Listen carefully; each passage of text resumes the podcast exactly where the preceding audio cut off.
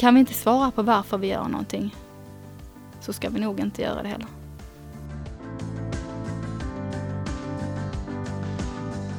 Smittspårning har verkligen hamnat i fokus under pandemin. Att bygga från noll till 165 medarbetare på bara några månader är en rejäl utmaning. Idag pratar vi med Caroline Schön som drar paralleller mellan sina legobyggen och sitt ledarskap. Det här är Region Skånes chefspodd med mig, Anna Strömblad.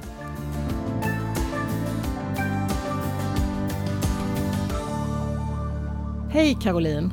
Välkommen hit, roligt att få träffa dig. Hej Anna, tack.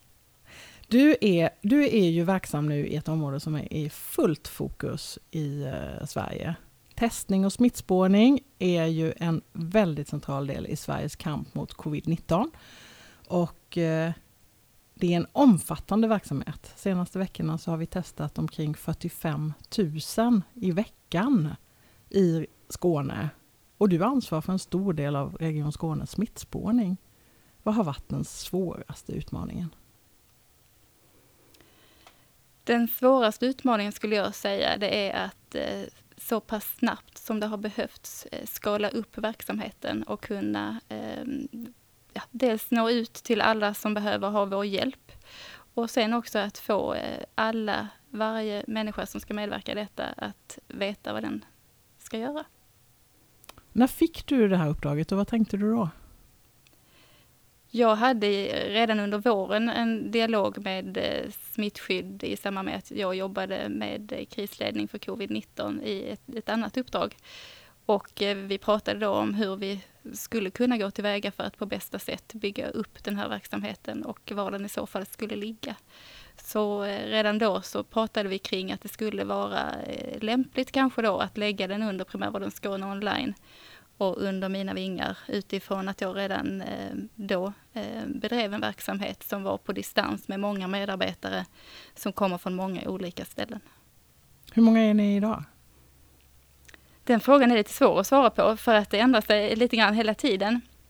Vi har medarbetare som eh, utbildas för att jobba för oss, både som kommer från Region Skånes andra verksamheter och utifrån eh, som vi har utbildat och då har vi väl nu kommit upp i eh, kanske 160, 170, 180 medarbetare. Men det är ju inte så många som är aktiva och jobbar med det här uppdraget idag. Men hur många brukar jobba med smittspårning? Hur många jobbar med smittspårning i vanliga fall? Om inte innan covid? Det fanns ingenting i vanliga fall, eh, om man nu ska använda de orden som du själv gjorde. Eh, det, det, är ju ingen verksamhet som vi har bara för smittspårning i vanliga fall, utan det har, åligger ju då den behandlande läkaren att se till i samband med att det behöver göras en smittspårning att eh, rätt person utför den smittspårningen, antingen om man gör det själv eller om man ser till att någon annan med kompetens utför den. Så det är helt nytt? Det är helt nytt. Mm. Du eh, säger ni har rekryterat, ni är 165 stycken. Har det varit svårt att hitta smittspårare som, som kan göra det här uppdraget?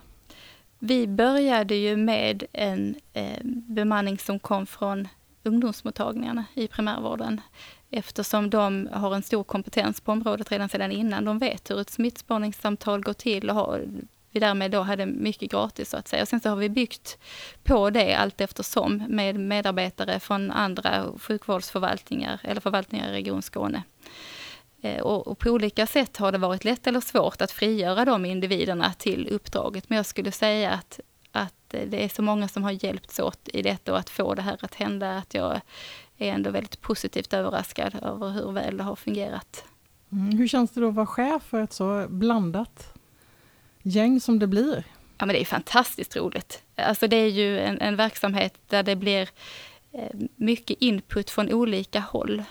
Eh, och det här talesättet, eller man brukar ju säga team, together everyone achieves more. Precis så är det, för det kommer in input från medarbetare med helt andra erfarenheter än vad jag och, och mina närmsta medarbetare sitter inne på, där vi kan utveckla verksamheten och befrukta den, skulle jag säga.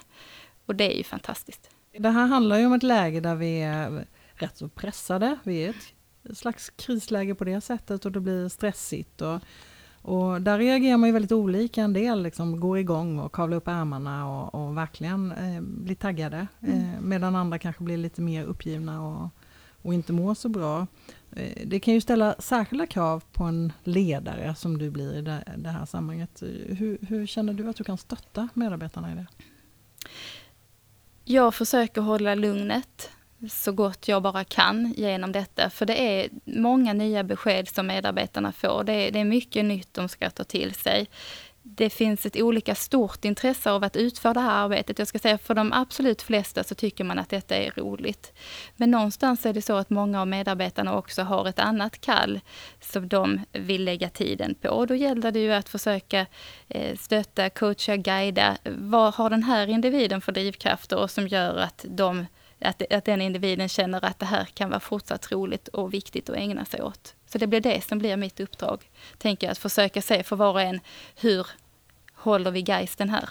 När det känns tungt och motigt och vi inte hinner rinna upp alla och, och så vidare. Mm. Det här handlar ju om ditt uppdrag som chef för, för smittspårningen som vi har pratat om. Men, men du är en person som har väldigt många strängar på din lyra. För det är ju inte bara eh, chef eh, för smittspårningen, du är också chef för primärvården Skåne online. Eh, och så är du läkare och specialist i allmänmedicin och digitaliseringsstrateg dessutom. Eh, och så har du varit verksamhetschef i, för en vårdcentral i Sjöbo. Och du har bara precis passerat 40-årsgränsen. Så du har hunnit med eh, mycket och haft många ansvarsområden eh, på ditt bord. Hur tänker du kring alla dina uppdrag? Vad, vad brinner du mest för? Men jag tänker att någonstans så är det tydligt varför jag valt att bli specialist i allmänmedicin. Vi har svårt att välja bort. Vi tycker att mycket är roligt. Eh, och det tycker jag också, att jag har haft en fantastisk förmån att få lov att prova på olika saker som någonstans har eh, en gemensam eh, nämnare i att jag tycker att det är roligt att utveckla, jag tycker det är roligt att vara med och påverka. Och att se att vi hela tiden blir lite bättre. Och att det i förlängningen då blir bättre för människan som söker vård i Region Skåne. Du tycker det är roligare att säga ja än att säga nej? Absolut. Eh, det här med att du är digitaliseringsstrateg eller att du jobbar då med, med digitalisering på olika frågor. Eh, du har ju jobbat också med, varit högst delaktig i arbetet med SDV, Skånes digitala vårdsystem. Hur, eh, vad har du för roll i det arbetet? Man skulle väl kunna säga att jag ganska nyligen och precis har börjat jobba med SDV. Eh, för det är inte ett uppdrag som jag har haft mer än i någon vecka. Eh, och där handlar det för mig nu om att se över flödet som rör sig kring vård i hemmet och hur säkerställer vi att vården i hemmet går från A till Ö utan att det blir några eh, stopptecken längs vägen. Och det faller ganska väl samman och ihop med det övriga uppdraget som jag har kring digitalisering, där vi tittar på hur, hur kan vi förbättra vården i hemmet för patienterna eh, redan nu och hur ska vi tänka med, eh, på en viss tids sikt. Så att eh, de här två uppdragen eh, hänger ihop lite grann skulle jag säga. Du tänker med? Med SDV och med digitaliseringsjobbet där mycket handlar om hur vi ger vård i hemmet eller med patienten i hemmet på något sätt. Mm. Det är lite framtidens vård helt framtidens enkelt. Vård. Mm. Vad, vad, vad ligger de riktigt stora effekterna av eh, digitaliseringen av vården som du ser det? Jag tänker att vi har ju stora eh, fördelar av att faktiskt inte behöva ses i, vare sig i tid eller rum samtidigt längre. Det kan vara en stor nyttoeffekt där man kan ge vård på patientens eh, villkor kanske och vid en tidpunkt som kanske inte är den bästa för vården men som är den bästa för patienten och hur hanterar vi då patienten i det läget. Eh, det ser jag som en stor fördel. Och sedan också att vi eh, på olika sätt kan dra nytta av eh, information som patienten bereder oss, så att vi kan systematiskt använda den informationen. Vi kan plocka ut delar som gör att vi kan eh, ge en mer patientsäker vård. Hoppas jag på. Har du, något, har du något exempel på hur det skulle kunna gå till? Jag tänker att vi kan använda olika eh, parametrar från patientens tidigare sjukhistoria eh, och sätta dem i relation till vilka symptom de har nu, vilka riskfaktorer de har till exempel, hur det då skulle kunna prognostisera att det rör sig om en viss sjukdom eller tillstånd eller så. Det är en del av det. Sen ska man ju såklart aldrig glömma att eh, allt är inte svart eller vitt. Vi, vi behöver den mänskliga, den mänskliga handen, den mänskliga tanken kring saker och ting eh, och ställa frågor på ett sätt som för den enskilda individen gör att de har en förmåga att svara korrekt på den frågan. Eh, så, så, vi behöver ju läkekonsten ändå. Men vissa delar kan man systematisera, är jag helt övertygad om, för att kunna utnyttja läkekonsten och de som kan utöva den på ett mer effektivt sätt. Mm. För vi behöver, det är ju den här utmaningen vi har, att, att uh, vi inte, vi kommer inte att räcka till helt mm. enkelt. Uh, och då gäller det att lägga över rätt uppgifter i systematiseringens händer, om man får säga så. Mm. Många av uh, de stora effekterna som, som det handlar om ligger ju i framtiden, men vi har ju också nu under pandemin steppat upp rejält när det gäller digitalisering. Vilket, vad är de största vinsterna som du ser ur, ur invånarperspektiv? Alltså jag skulle nog vilja vända tillbaka frågan ändå och, och tänka på vad, är de vad har varit de största vinsterna i, i förändringen? Eh, för mycket handlar om vår möjlighet att ta till oss eh, andra arbetssätt. Det är där utmaningen ligger, inte i själva arbetssätt eller i, i själva sättet att väl verka när det väl är på plats, utan det är förändringen och, och fram till något nytt. Och där tror jag att det inte bara gäller medborgarperspektivet utan även medarbetarperspektivet, att vi faktiskt har fått se allesammans att vi kan förändra hur vi, vi jobbar eh, ganska snabbt om alla bara förstår varför måste det göras.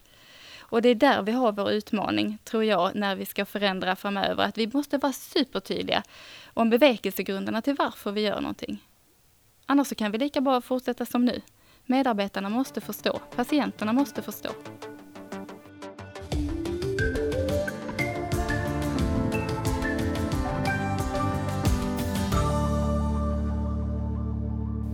Och du har ju fått ägna dig åt väldigt många förändringar de, bara de, det senaste året kanske man ska säga. Du, tidigare i år så, så först så fick verksamheten som du var chef för då, eh, eh primärvården Skåne online, eh, läggas ner från en timme till en annan, eh, mer eller mindre, eh, när en upphandling blev ifrågasatt. Hur kändes det? Tungt. Ledsamt. Och inte bara för egen del, utan också för medarbetarna som arbetade med detta och patienterna utifrån de reaktionerna vi fick. Där vi eh, kände att vi var på gång och vi var taggade och det här ville vi göra och, och nu skulle vi bara vidare. Ehm, och från en stund till annan var det inte längre möjligt utan vi skulle demontera eh, allt som vi hade byggt upp. Det var tungt. Och sen fick du två veckor på dig att eh, bygga upp verksamheten igen. Eh, och nu i november så hade ni eh, 1200 besök och 4,6 i patientbetyg av 5. Mm. Supernöjda patienter och många som som är i kontakt med. Hur bar, hur bar ni åt? Vad gjorde du då? Vad jag gjorde när vi skulle starta mm, menar du? Plötsligt skulle ni ju upp igen då. Precis. Eh, där hade vi ju en fördel av att vi hade dragit igång en gång innan. Eh, och vi, vi, visste ju precis vilka processer vi skulle ha igång och vad vi behövde göra. Och jag har ju fantastiska medarbetare och en fantastisk enhetschef som eh, tog lid i detta och, och kunde styra eh, med järnhand eh, hur saker och ting skulle ske och när det skulle ske. Och, och medarbetarna eh, och cheferna då som skulle släppa ifrån sig dem med kort varsel eh, ställde ju också upp så att jag menar, vi, vi kunde sjösätta detta med de rutiner och riktlinjer och arbetssätt som vi hade haft tidigare. Och det, det hade inte gått om inte vi hade haft det här arbetssättet sen, sen innan. Mm, så då hade ni lite nytta av, av det ni hade gjort tidigare, även om det var tungt att, att lägga ner och starta upp? Absolut. Mm. Vi eh, vet ju att, att det är många som, som väljer att eh, söka och lista sig hos privata vårdgivare som ju har gjort eh, mycket reklam och, och, och, gjort sig kända med smidiga e-tjänster. vi har Kry och Min doktor ett, antal, ett otal eh, eh, sådana erbjudanden från, från privata vårdgivare. På, på vilket sätt skiljer sig primärvården Skåne online från, från eh, de privata nätläkarbolagens tjänster? Vi är ju ganska smal verksamhet skulle jag säga. Nu när vi byggde upp eh, inom ramen för covid så, så var det med begränsade sökorsaker, begränsade processer också utifrån att vi inte hade byggt upp några heltäckande processer för andra symptomfloror än de som vi eh, redan hade. Så där kan man väl säga att många av våra eh, nätläkaraktörskollegor eh, har ett mycket bredare anslag vad de eh, anser sig kunna hantera. Jag ser det mycket som att vi har ju eh, 80 plus fantastiska eh, offentligt drivna vårdcentraler som kan utföra den fysiska vården när den behövs. Så vi behöver inte ge oss in och tumma på patientsäkerheten och, och tycka att vi kan ta hand om saker digitalt som vi egentligen inte borde göra. Eh, för då har vi rätt instanser som kan erbjuda den typen av vård. Så att jag ser oss som det komplementet som kan hantera digital vård som det är nu. Sen kan den bli bredare och det, det verkar vi ju för att vi, när vi kommer att etablera oss som en, eh, som en full digital mottagning, också kommer att erbjuda för våra listade individer. Vad ser du framför dig? Vad är nästa steg för primärvården Skåne online? Jag tänker att vi ska eh, inkludera andra eh, professioner vi skulle kunna eh, engagera psykologer, eh, fysioterapeuter, dietister, barnmorskor. Ja, listan är lång på ytterligare tillskott som vi skulle kunna knyta till oss där för att ge en ännu bättre och, och mer nära vård. Mm. Varför är det viktigt att den offentligdrivna eh, primärvården erbjuder de här digitala tjänsterna som du ser det? Jag tänker att det är en hygienfaktor om man får uttrycka det så. Jag tycker att vi ska kunna erbjuda digital vård när vi ser att den är lika bra eh, och kanske till och med för den enskilda patienten bättre utifrån dess förutsättningar än vad en fysisk eh, vård är. Då tycker jag att det, det ska ingå i vårt uppdrag och i vårt erbjudande. Men, men mm, nu visar det sig då som jag sa att, att patienterna är väldigt nöjda med det ni erbjuder de som, som har varit i kontakt med? Vilka är, de, vilka är de gladaste tillropen som du har mötts av? Det jag skulle säga, eh, det som har etsat sig fast mest var eh, en input som eh, faktiskt min enhetschef tog sig tid att vidarebefordra till mig sent en fredag eftermiddag. Där en patient, eh, som vi då inte vet förstås vem det är, utan det är ju helt anonymt, eh, hade låtit meddela, eh, förutom att hon då var väldigt nöjd och gav oss höga poäng, att hon verkligen kände sig trygg, att hon kände sig sedd och att hon kände sig lugn. Och då har vi ju bidragit med otroligt mycket för den här människan. Så det, det är det som värmer mitt hjärta mest. Sen är det många som uttrycker att man är nöjda med att kunna göra detta hemifrån, att man inte behöver släpa sina tre barn till vårdcentralen för att eh, få ett recept på något som vi utifrån patientsäkerheten bedömer att vi kan förskriva lika väl digitalt utan att ha personen på plats. Men enkelt och smidigt men också just den där känslan av, av trygghet då, att det, det är den som värmer lite extra. Mm. Mm. Vad är, vad är det viktigaste för att du ska trivas på jobbet? Det är att jag känner att jag har möjlighet att testa olika eh, flöden, olika processer, att jag ges utrymme att, att få prova, att få göra fel ibland, för det blir inte alltid rätt. Eh, och att känna att jag kan göra skillnad, att man, att man tror på mig och tror på att jag är på rätt väg. När gjorde du fel senast? Då? Och det gör jag hela tiden, Anna.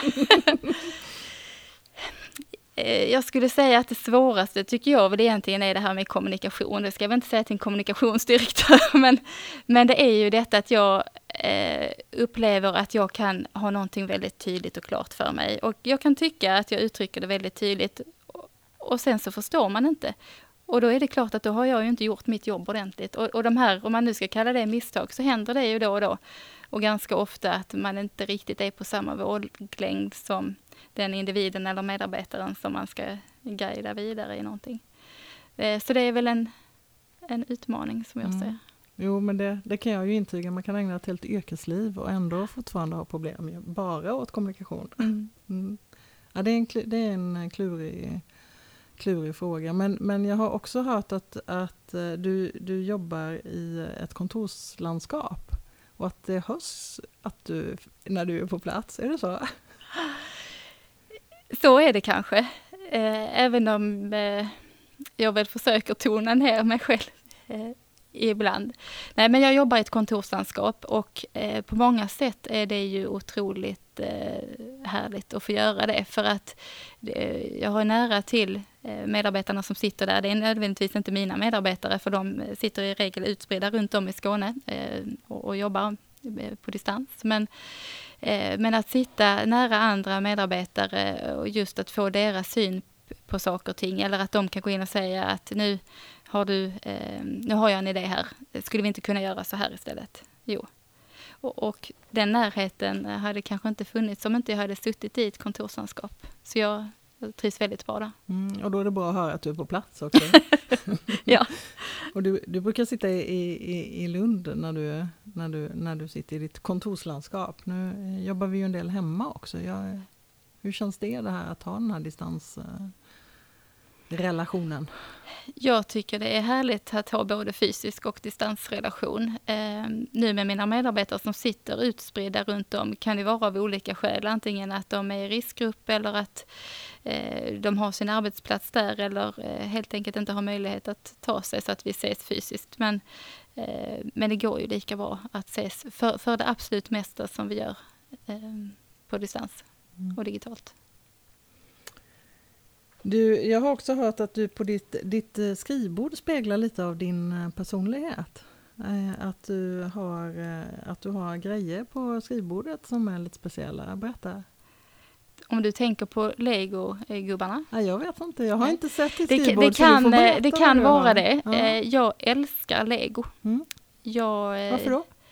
Jag tycker att det är så fantastiskt med de här små bitarna som man kan använda och bygga ihop till antingen väldigt verklighetsbaserade saker eller eh, fantasieggande eh, figurer på olika sätt. Eh, jag tycker att det ger utlopp för en, en lekfullhet men ändå en strategi man kan använda eh, att bygga utifrån olika eh, instruktioner eller bygga på frihand. Och, eh, lite grann så är nog mitt yrkesliv också. Jag kan eh, göra någonting på volley eller ad hoc. Men jag kan också behöva använda mig av en rutin väldigt tydligt. Så att jag skulle säga att jag har båda, båda delarna. Mm, vad har du för legofigur på skrivbordet där? Eh, där har jag en gubbe som är lik eh, mig själv. Jag har eh, en, en doktorsgubbe. Gumma, kanske. Ja. Och eh, jag förser gärna mina medarbetare med de här också efterhand som jag upptäcker en legogubbe som, som liknar dem på något sätt. Um, men jag tycker det är roligt med det lekfulla. Jag gifte mig i lego. Ett par legoskor hade jag på mig till min vita klänning. Så det är väl liksom de två olika par, delarna av mig. Alltså skorna var gjorda av lego? Ja. Mm. Eller de var klädda i lego snarare. Det var ett par riktiga skor men de hade en beklädnad som jag hade gjort av eh, platta legobitar. Ja, mm. Som du hade gjort själv då mm. eller? Mm. Var de, vad var det för färger? Var de vita eller var de... Nej, de hade alla möjliga färger. Så under den här vita, väldigt eh, traditionella, långa, stora ändå brudklänningen så gömde sig ett par lekfulla, färgglada legoskor. Mm det var ändå lite udda får man väl säga. Det går ju sån eh, tävling på, på, på tv nu i Lego Masters, eh, tror jag det heter. Är, du lite, är det något du följer eller skulle du vara sugen att vara med? jag är inte så sugen på att vara med, så kan man säga. Ehm, men jag tycker det är väldigt roligt att titta på. Mm.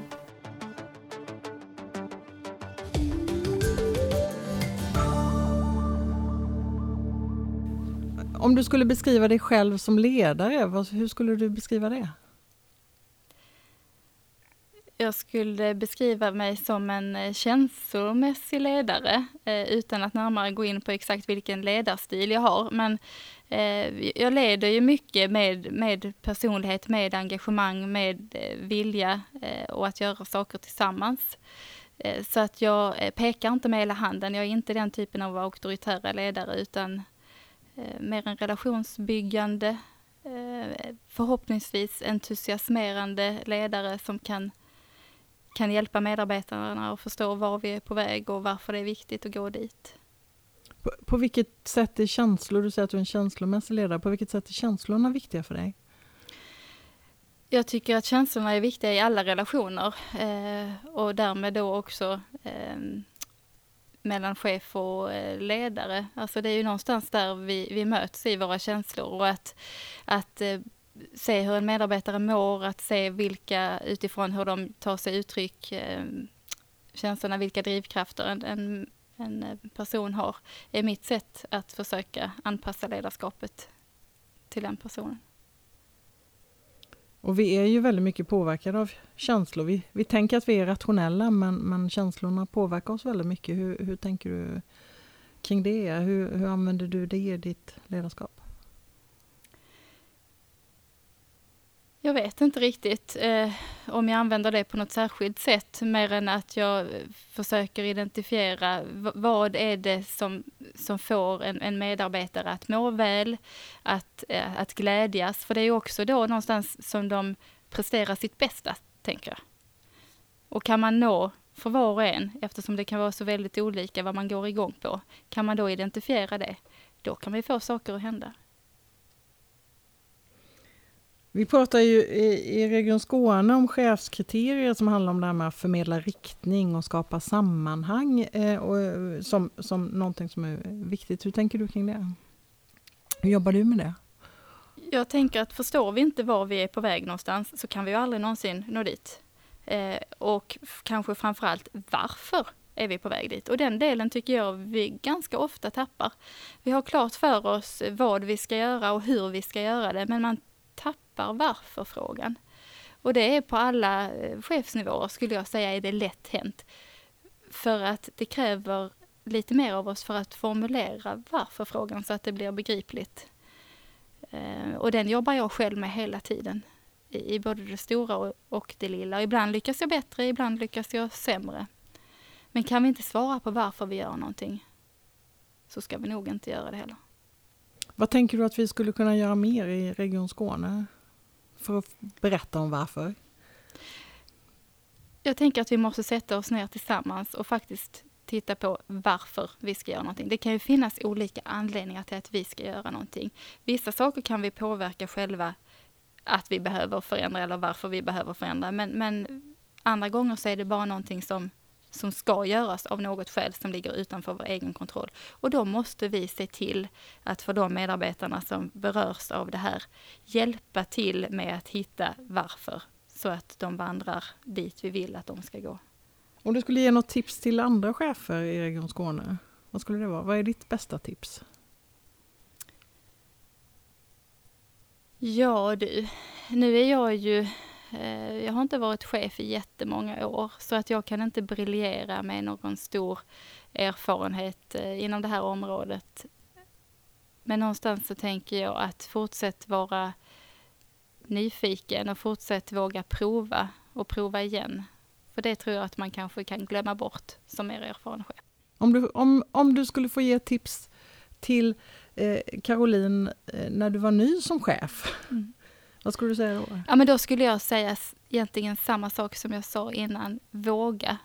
För det är, no det är ju det vi behöver göra, vi, vi behöver våga. Sen är det så att vissa saker inte blir helt perfekta. Men det är väldigt få saker som går så helt på tok att det inte är värt att våga prova.